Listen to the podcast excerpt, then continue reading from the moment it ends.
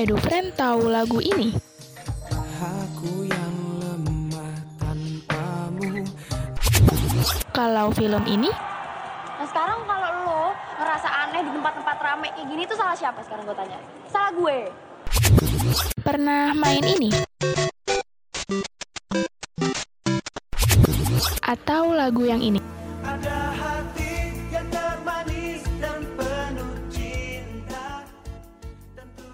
Semua tentang kenangan tahun 2000-an hanya di Nostalgia bersama Era FM. tiada lagi yang ganggu kita Ini kesungguhan Yuk nostalgia bareng.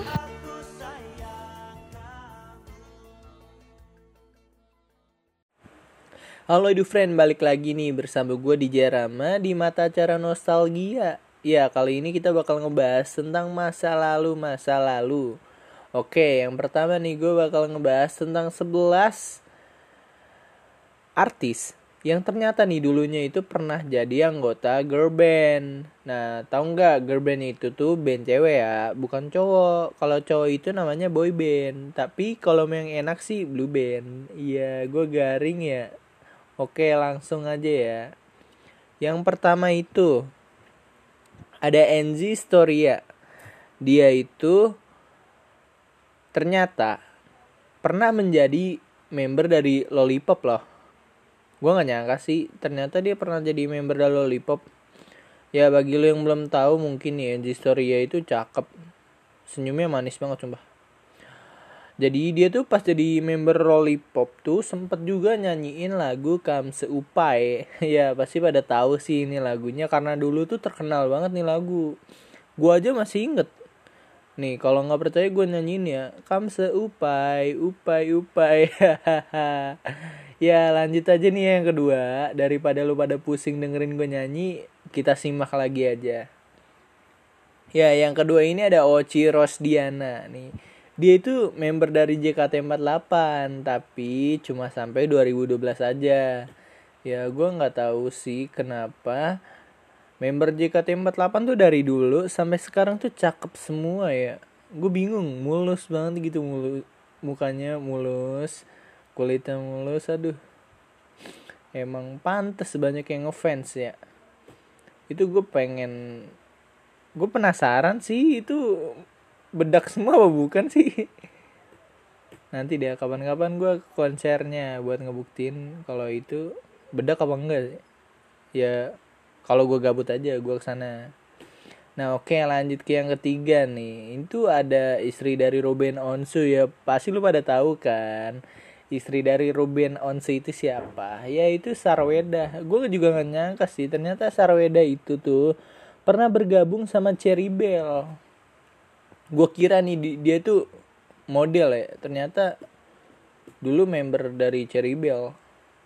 Oke kita lanjut ke yang keempat. Pasti lu pada udah tahu. Itu Tina Tun. Dia tuh penyanyi solo.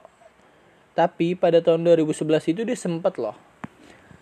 Jadi ngedebut jadi member Tina with the Girls.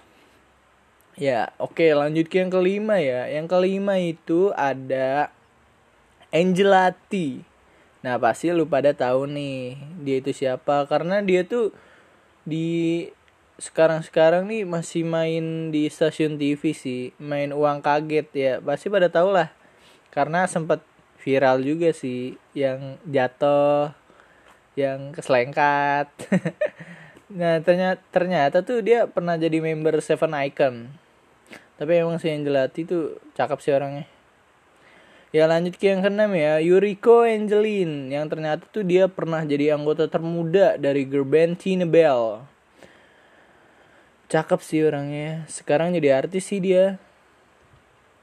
Ya yang ketujuh nih Yang ketujuh itu ada Mesty Mes Dia tuh pemain sinetron anak langit Yang ternyata tuh dulu pernah jadi anggota dari Seven Icon juga Bareng Angelati Nah, yang ke-8 ini ada Steffi Zamora. Yang ternyata dia tuh pernah jadi girl band Wings. Wings. Sayap ya?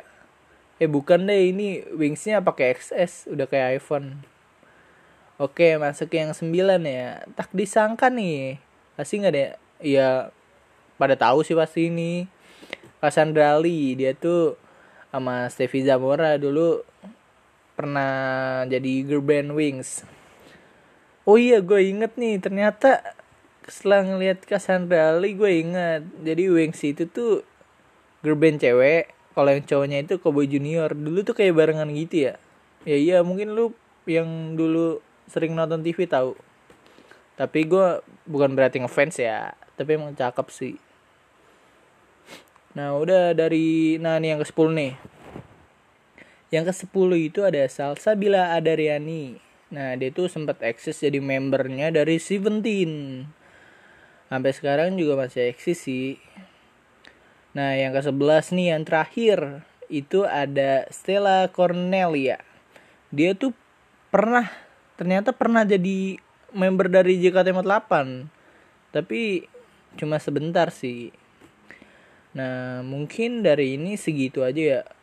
Mari kita lanjut ke yang selanjutnya nah selanjutnya nih gue bakal ngebahas tentang TVXQ ini utama dari a- mata acaranya Nah, TVXQ itu apa? Mungkin bagi lo yang belum tahu, TVXQ itu adalah Tong Vi Function Key. Gue jadi kayak orang Cina ya. Nah, terus dia ini K- ternyata K-pop. Tadinya gue kira dia tuh boyband dari Cina. Ternyata K-pop. Jadi dia tuh K-pop yang emang terkenal banget bahkan sampai ke Jepang. Nah, di Jepang ini sebutannya sebagai Tohoshinki. Nah, dia sempat jadi boyband internasional. Pokoknya dia tuh bertahan hingga 15 tahun. Sumpah keren banget sih. Jadi boyband bisa bertahan jadi raja boyband 4 15 tahun tuh itu keren banget sih. Gua nggak tahu cara bertahaninnya gimana itu nyanyi nggak capek apa 15 tahun ya. Nah oke gue jelasin ya. Jadi TVXQ itu itu pasti yang K-pop 2000 tahun 2000 masih pada tau lah.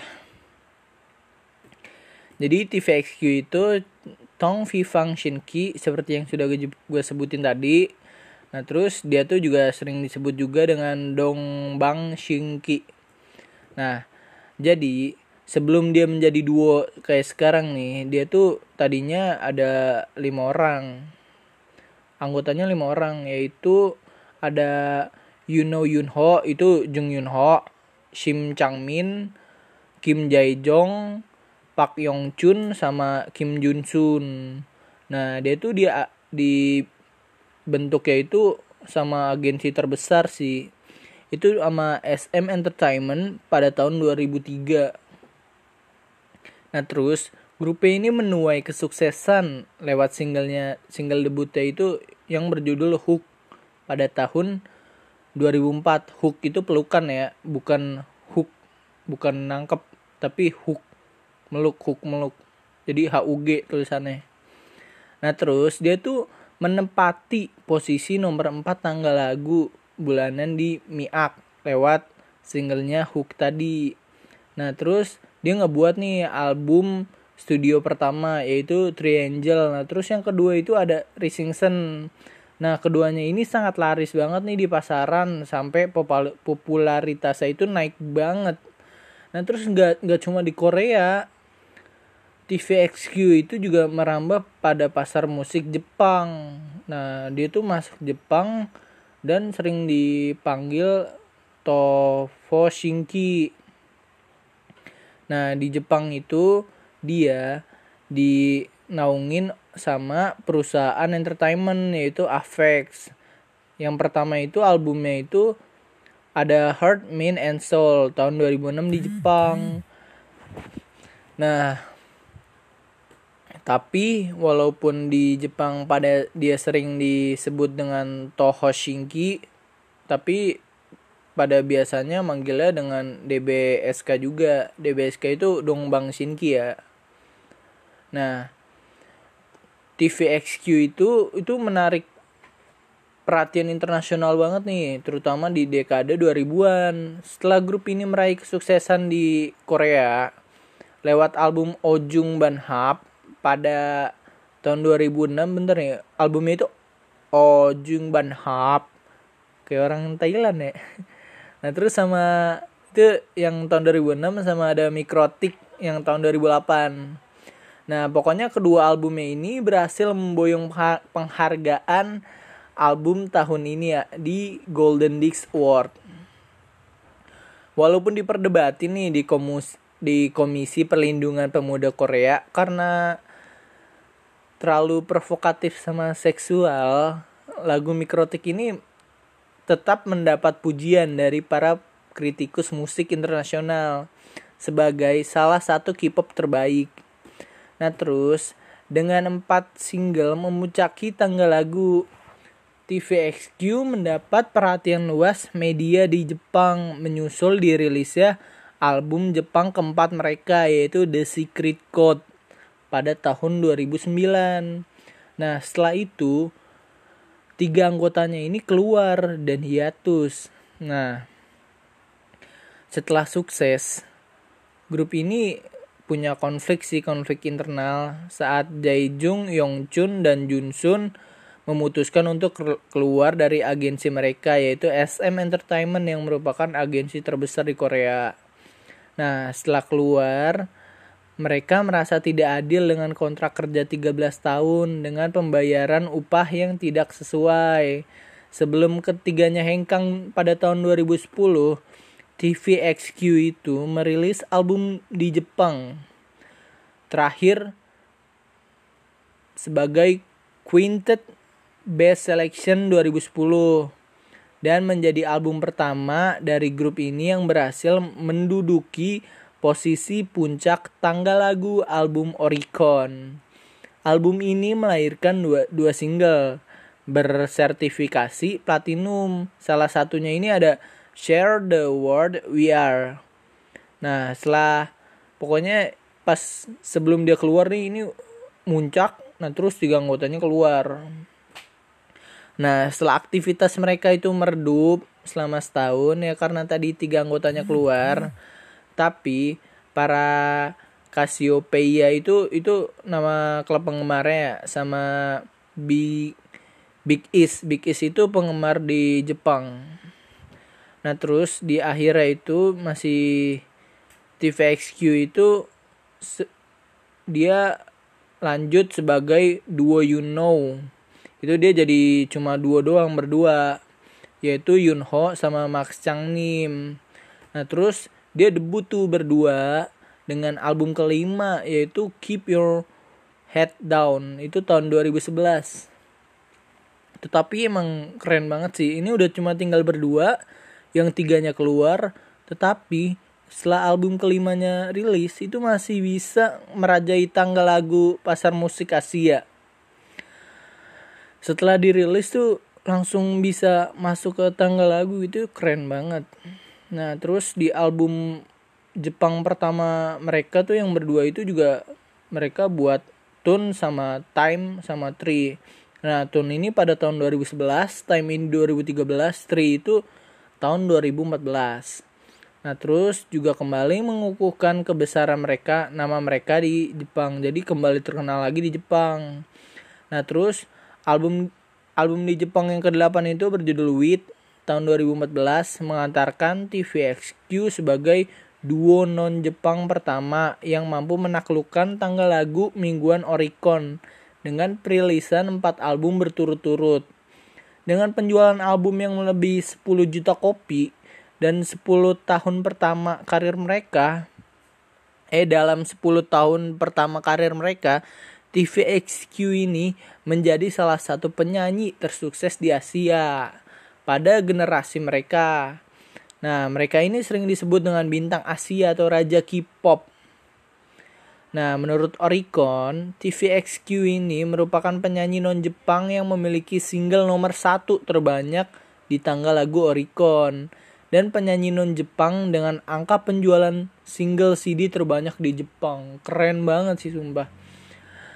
Selain itu, Time Tour adalah salah satu tur konser dengan pendapatan pada tahun 2013 dan memecahkan rekor penonton terbanyak di sepanjang sejarah musik K-pop saat menggelar konser di Jepang.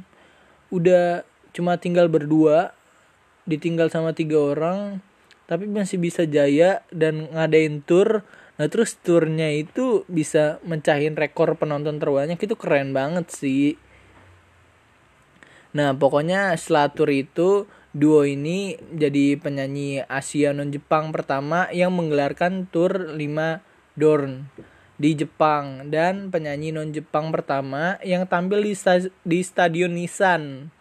Tak heran sih, nggak heran sih jika majalah Billboard ngejulukin grup ini sebagai K apa tuh raja K-pop. Sepanjang akhir sepanjang karirnya TVXQ itu mengadakan 17 tur internasional dan Jepang belum lama ini juga TVXQ selesai menggelar tur terba- terbarunya yaitu tur ke 15 live tour di Jepang pada November 2019 hingga akhir 2020 ini. Nah, selain itu, duo ini juga mengumumkan bahwa mereka tuh mengadakan dua konser tambahan yaitu pada 25 dan 26 April 2020 ya kemarin. Nah terus selain konser dua hari ini mereka juga mengadakan acara ulang tahun ke-15 TVXQ di tempat yang sama pada saat 27 April kemarin. Nah sebelum mereka mengadakan live di Tokyo Dome pada Sabtu 21 Februari kemarin tuh TVXQ dia tuh mampir ke Indonesia juga. Pokoknya ini keren banget deh. Ya pokoknya udah segitu aja kali ya udah sampai di penghujung mata acara gua pengen bilang buat kalian nih ini emang udah new normal tapi tetap jaga kesehatan ya pakai masker kalau keluar ya jaga kesehatan pokoknya tetap jaga jarak karena mata acara ini sudah selesai ya makasih buat EduFriend yang sudah ngedengerin nostalgia ini Oke, gue DJ Rama pamit. Keep inspiring, keep struggling, and keep being low profile. RFM radionya anak UNJ.